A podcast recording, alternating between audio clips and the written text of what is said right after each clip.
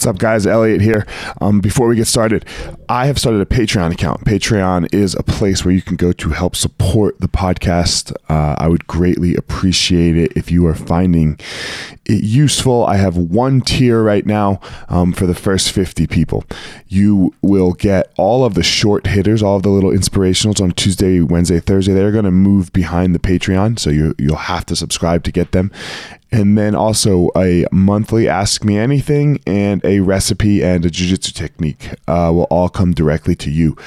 And that's it. So patreon.com backslash elliot marshall. And thank you all for your help. So second concept i want to talk about today guys. I hope you're all healthy well and happy and safe. And let's jump in. The demon that i talked about and how i talked about um, this demon, this anxiety that I have, this this uh, this thing that so many of us use that word when we say that we have. I don't have anxiety.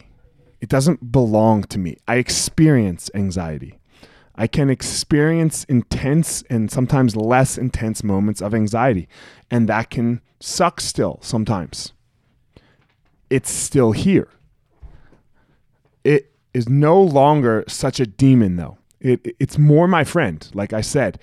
It's not my friend in the moment. It's never this thing where I'm like, oh yeah, fucking A, I can't wait to have this again. It's my friend because he he's that friend that like pushes you. He's that friend that's like, yo, asshole, maybe you're doing something a little off. Pay attention. Where where is it that you need to be going? this might not be the best direction. How can we how can we do this a little more skillfully? That is how my anxiety is my friend.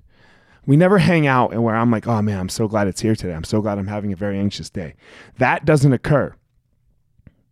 But that doesn't mean it can't be my friend still. And it doesn't mean that it can't point me to find my power.